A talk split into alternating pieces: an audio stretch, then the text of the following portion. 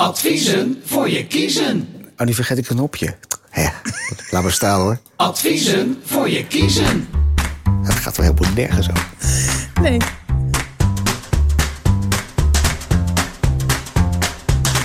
Welkom bij Adviezen voor je kiezen. Een podcast met antwoorden op vragen die je anders nooit gesteld zou hebben. En dit zijn veelal vragen op het gebied van werk, gezondheid en functioneren. Karin Hosmus is geregistreerd bedrijfsarts, extern vertrouwenspersoon, consultant en directeur-eigenaar van een bedrijfskundig adviesbureau. Hosmus Synergie BV. Mijn naam is Victor Chevoyer. Ik werk als trainer, coach en mediator voor het Transitieinstituut. En al decennia begeleid ik particuliere werknemers en werkgevers bij problemen en veranderingen. Waarom ga ik plotseling zo snel praten? Weet ik eigenlijk niet. Maar in deze podcast, waar gaan we het over hebben, dokter Karin? Wie betaalt, bepaalt. Werkt dat ook zo bij een bedrijfsarts? Kijk, dat Die heb was een jij vraag. zelf vast bedacht. Kom je daar nou bij? Nou ja, dat is echt zo'n vraag die jij kan, kan bedenken. Nee, maar zonder gein, Ja. heel veel mensen denken dat. Ja. Ja. Heel veel mensen denken dat als je bij een bedrijfsarts komt, dat eh, die betaald wordt door de werkgever. Dus dat de werkgever daar duidelijk invloed op heeft. En eigenlijk bepalend is voor het hele proces. Nou, dokter Karin, is dat ook zo? Nee? Nou, dat was dan deze aflevering. Nee, dat is niet zo. Nee, wat, dat, wat is, het dat is niet zo. Ja, kijk, in Nederland is het zo dat, dat het stelsel is dat de bedrijfsarts niet in het curatieve deel zit, zoals we dat noemen. Hè. We zitten dus niet in het stelsel waar de huisarts en de cardioloog in zit. Ja. Maar we zitten in de sociale geneeskunde. En, Ik vind het zo'n ehm, mooi woord, hè? sociale geneeskunde. Ja, ja, wat overigens een heel breed vakgebied is. Nog breder dan wat ik me laatst... Ik zat laatst in nascholing. Ja. En er zaten heel veel mensen die binnen het domein van sociale geneeskunde vielen. Mhm. En zelfs ik wist niet dat het nog zo breed was wat er allemaal onder viel. Dus dat was wel leuk. Wat, wat, wat voor, kun je een paar voorbeelden noemen? dan? Ja, ja. De, de, de verslavingsarts, Oh, ja. ehm, arts gehandicaptenzorg, ehm, eh, de jeugdarts, ehm, eh, de vertrouwensarts. En dan hebben we natuurlijk de reguliere qua GGD, ja. Ehm, ook sociale geneeskunde. Ja, die Maar had ik wel eerder andere eh, kunnen bedenken. Ja, klopt. Maar Ja. ik, vond, ik vond het echt leuk. Ja. Het was echt even een eye-opener, verrassend. En, eh, en ik zag heel ontzettend leuke collega's in die sociale geneeskunde zitten. Echt gewoon, ook sociale mensen. Over het algemeen, toch best wel. Ja. Dus het was een hele leuke middag. Maar goed, terug naar de Ik bedrijfsarts. wou dat zeggen, ter zake zitten onze luisteraars Want- hierop te wachten, zeg maar. Nou ja, vast wel. Die, die, nou, het- daarop terugkomend, het is verwonderlijk hoe die diversiteit toeneemt Ja. aan specialisaties. En, ehm, en dan zie je ook als je zelf werkzaam bent in het werkveld, Mhm. dat die ontwikkeling je uh, ja, ja, ook altijd soms nog wel eens een keer kan ontgaan. Um, dus dat is ontgaat mooi. dokter Karin ook nog wel eens wat, wil je zeggen. Joh, Ja. ja. ik probeer s'nachts toch af en toe te slapen, dus dat helpt. ja, Dan- dat, dat, dat scheelt wel. ja. Ja. Maar terug, de bedrijfsarts. Nee, het grappige is, ehm, recent is er een co-assistent bij ons gestart. En dan eh, gaan we op maandagochtend... co-assistent? Een co-assistent. Dat is een dokter in de opleiding. Ja.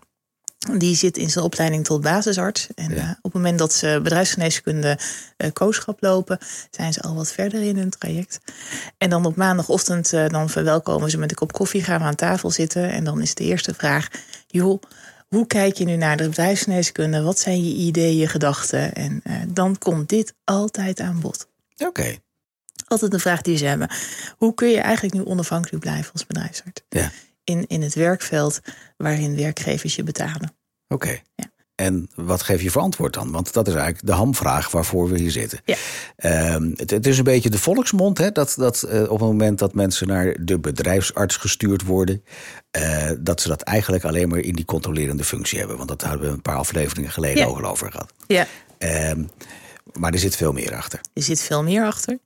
En uh, om, om het antwoord kort te houden is.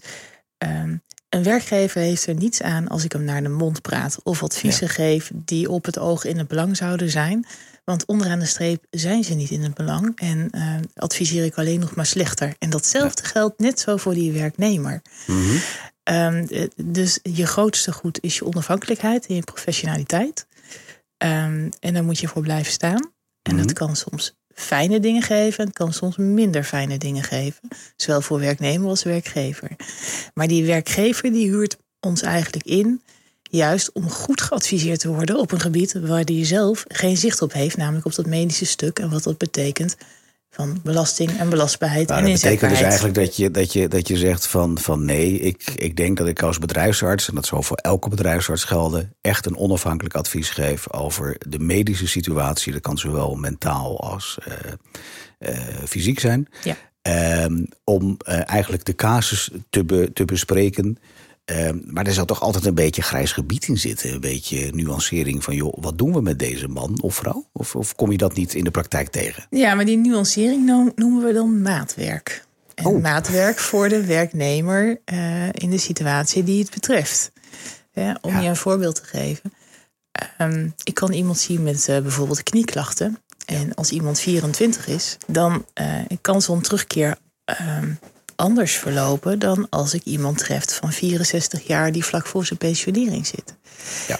En dat betekent, eh, en dat is waar wij ook wel heel erg voor willen staan, is dat je kijkt, wat is aan de ene zijde de klacht, maar vooral wie is nou de persoon die tegenover mij zit en in welke situatie, sociale context, maar ook in werksituatie, ehm, eh, woont, leeft, werkt iemand. En wat is er nodig om te herstellen? Dat En- snap ik, maar je kunt toch niet ontkennen dat er voor jou als bedrijfsarts eh, een bedrijfsmatig belang zit. Dus dat betekent dat als ik jouw werkgever zou Mhm. zijn en ik zou eh, eigenlijk een beetje ontevreden zijn over het advies, omdat het naar mijn als werkgever zijnde beleving veel te veel meebeweegt met mijn werknemer. Ja, Dan denk ik, ja, eh, aan jou heb ik niks. Ik wil, ik wil Ja. gewoon een andere. ja. Dus er zit toch een belang in, lijkt mij. Ja, nou ja, mijn voornaamste belang is dat ik op een goede manier mijn eigen werk en mijn professie kan uitoefenen. En als dat is wat er leeft bij een werkgever, gaan we daarover in gesprek. En het komt niet eh, eh, zelden voor dat ik dan besluit om afscheid te nemen van de werkgever. Ja, Als dus jij zegt eigenlijk van als bedrijfsarts moet ik dusdanig onafhankelijk kunnen zijn Ja. en kunnen functioneren dat Ja. dat eigenlijk geen rol zou mogen spelen. Dat Correct. hoor ik jou zeggen. Ja, en waarbij ik de vrijheid heb, zeg maar, in de praktijk die we hebben en eigenlijk de zelfstandigheid die we hebben, Mhm. ehm, ehm, dan ook kan besluiten om uiteindelijk afscheid te nemen van zijn opdrachtgever. Ja. En het grappige is dat ik me in deze situatie vele malen onafhankelijker nog voel dan in die arbeidsdienst. Want in een arbeidsdienststructuur, ja, kan ik dat wel zeggen tegen een accountmanager of een leidinggevende. Maar daar zijn commerciële belangen nog vele malen groter. Hè, en dan eh, zal daar minder snel afscheid genomen worden. Dan zal er misschien een wisseling van bedrijfsarts plaatsvinden. Ik vind het een leuk, leuk thema eigenlijk, want we hebben nog een nieuwe vraag erbij. Wat is dan het verschil tussen een bedrijfsgeneeskundig adviesbureau Mhm. en een arbodienst? Kun je dat in één zin doen of moeten we daar een nieuwe aflevering voor eh, bouwen, zeg maar? Eén zin is wel heel weinig. Maar, ehm, Goed, oké, ja, dan, het- dan gaat het de volgende aflevering. Nee, maar wat helder mag zijn, ook wij moeten betaald worden. En de huisarts en de cardioloog worden betaald door de zorgverzekeraar. Ja. Ook daar kun je dan iets van vinden. Eh, en wij worden betaald bij de, door de werkgever. En ik vind dat het je eh, professionaliteit is om je onafhankelijkheid te bewaken. En je werkveld en je werkbeeld. Ja, dat snap ik wel, maar dat vind Ja. ik toch wat anders. Als je het gaat vergelijken met een chirurg, die, eh, die krijgt lullig gezegd toch wel betaald. Of het nu van ziektekostenverzekering A, B of C is. Dat maakt niet zoveel uit. Die operatie voert je dan ook uit, uit- werkelijk uit, zeg maar. Ehm, op het moment dat ehm, eh, jij eh, vindt dat jij eh, in tegenspraak met je werkgever bent, dan heb je toch een probleem. Maar ehm, wil je daar nog op reageren? Hoeft niet hoor. Hoef je niet te reageren? Ja, nee, ik zie het probleem niet zo. Ik, ik denk dat je best verschil van inzicht mocht hebben. En dat je daar het gesprek met elkaar over aan kunt gaan. Ja. Ehm, je moet dat ook kunnen onderbouwen en objectiveren waarom je dat vindt. En als een werkgever van mening blijft, maar ik ben het er niet mee eens, dan staat het hem ook vrij om een deskundig oordeel aan te vragen bij het UWV. Een soortement van second opinion. Ja, daar sta je, daar sta je meer tussen dan, wil je zeggen. Ja, nee, maar die ruimte die is er. Er- Er zijn gewoon een aantal eh, partijen in het netwerk die ook het werk van de bedrijfsarts toetsen. En dat doet niet alleen die werkgever die misschien iets wenselijks wil horen, Ja. maar er is ook een UWV die toetst of dat werk goed ten uitvoer komt. Ehm, en die werknemer weet ook prima hoe het werkt. Oké, ik, ik laat deze casus Ja? voor dit moment even zitten, als je het niet erg vindt. Oké. Eh, maar eh, er komt nog een ander punt. We hadden net even over het verschil tussen een arbodienst en een bedrijfsgeneeskundig adviesbureau. Ja. Dokter Karin, wat is nou het verschil? Het verschil is, bij ons werken we eigenlijk... eh, Ons is. Ons is ons bedrijfsgeneeskundig adviesbureau, Hosme Synergie. Nou, dat is alleen bij jullie of is dat is alleen- generaal voor alle bedrijfsgeneeskundige Nee, adviesbureaus? dat is alleen bij ons. Zoals Alleen wij het bedrijfsgeneeskundig adviesbureau hebben ingediend of ingericht. Ingericht, ja. Ehm, daar werken we eigenlijk monodisciplinair. Dat betekent, we werken als bedrijfsarts zijnde en er is een secretaresse, maar that's it. Mhm. Het is een beetje vergelijkbaar als een huisartsenpraktijk. We waren het niet dat in huisartsenpraktijk er tegenwoordig ook praktijkondersteuners bij komen, die ook Ja. een deel van zorg doen. In een arbeidsdienst werken meerdere disciplines. Ehm, naast de bedrijfsarts Ja. ook veiligheidskundige, arbeidshygiënist, soms een case manager, eh arbeidsorganisatieadviseur. Dus dat is wat groter. En een arbeidsdienst is ook gecertificeerd. En dat betekent dat het ook heel strak ingericht is aan processen ehm, en termijnen en dat soort zaken. Dus er zit ook een hele strakke zakelijke ehm toetsingskader achter voor die certificering. Maar dan begrijp ik nog even niet het verschil. In die zin wel in de uitvoerende vorm, zoals je Ja. het uitlegt. Maar wanneer kiest een werkgever dan voor een bedrijfsgeneeskundig adviesbureau? En wanneer kiest een werkgever voor een arbodienst? Ja. Even uit mijn hoofd, in 2006 is er een uitspraak geweest van het Europese Hof. Tot aan die Nu periode. gaat het ingewikkeld worden. Nee, het gaat helemaal niet ingewikkeld worden. Het is Ja? heel verklarend. Tot aan die periode waren werkgevers verplicht om een arbeidsdienst te hebben die dit beleid ten uitvoer bracht binnen een bedrijf. Na die uitspraak is het zo dat ze eigenlijk alleen nog een geregistreerd bedrijfsarts moeten hebben die hun in dit deel helpt, begeleidt en adviseert. Dus dat is een hele belangrijke pijler waarom er ook in de arbeidswereld zoveel veranderd is in die, sinds die periode. Ja. En je ziet dat veel meer bedrijfsartsen zich zelfstandig gevestigd hebben.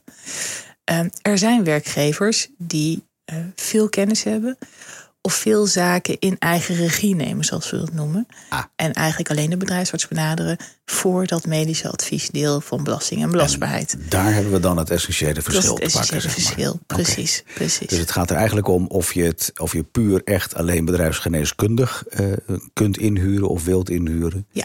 Eh, maar betekent dat ook dat jij dan door het midden- en kleinbedrijf als bedrijfsgeneeskundig bureau ingehuurd wordt? Eh, dat kan, maar ook de arbeidsdiensten, die hebben dan bijvoorbeeld, ze noemen dat een MKB-desk. Hè? Ja. Eh, dus ook arbeidsdiensten specialiseren zich daarin. Mhm. Ehm, maar wat je ziet is dat bedrijfsartsen, echt zelfstandig bedrijfsartsen, vaak dagen of dagdelen worden ingehuurd door wat eh, grotere bedrijven. Ja. En hoe wij dat dan vormgeven in ons bureau, is dat ehm, eh, werkgevers van verschillende grootte aangesloten kunnen zijn. Dus het kan een heel klein snoepwinkeltje zijn of een Mhm. autowinkeltje van twee mensen. eh, tot aan wat grotere partijen van 12 tot 1500 medewerkers. Oké. Ehm, en het is dus heel erg afhankelijk wat echt de vraag is van die werkgever, wat ze nodig hebben. eh, en welke begeleiding ze van ons daarbij verlangen. Oké. Ja. Mag ik nou eindelijk deze podcast gaan afsluiten? Want we Uiteraard. volgens mij al. Uiteraard. Maar is jouw Vreselijk. vraag zo goed beantwoord? Ja, dat mag ik aannemen dat ik het meeste wel zo'n beetje, denk ik, weet. Ja? Nu wel, ja. Oké. Maar goed, het kan altijd anders zijn. Ja. Eh, ik, ik denk wel dat, dat, dat als er een luisteraar is die zegt van... nou, ik snap er nog niet zoveel van. Mhm. Wat kunnen ze dan doen? Dan kunnen ze een vraag insturen. Goed hè? Hé, hey, en waar mag die vraag heen dan? Die vraag mag heen. Naar. Naar Naar. Ja, ja. info.praatkast.nl Oh, die. Wat goed. Ja, Ja, ja ze mogen ook appen. En alles staat op de site. Ja, alles staat op de site. Praatkast.nl zeggen we in koor. Dit was weer een aflevering van Adviezen voor je kiezen, onderdeel van de Praatkast. Een podcast met antwoorden op vragen die je anders nooit gesteld zou hebben. Veelal vragen op het gebied van werk, gezondheid en functioneren. Als jij vragen hebt, je hoorde het net voor Adviezen voor je kiezen, stuur dan een mail met je vraag naar info.praatkast.nl. Je kunt het trouwens ook doen via WhatsApp, gewoon via de site. Deze podcast wordt je aangeboden door Hosmo Synergie en het Transitie Instituut. Met dank aan Hans Zeilmaker van Studio 0317 voor de nabewerking. Dankjewel voor het luisteren naar Adviezen voor je kiezen en graag tot de volgende aflevering.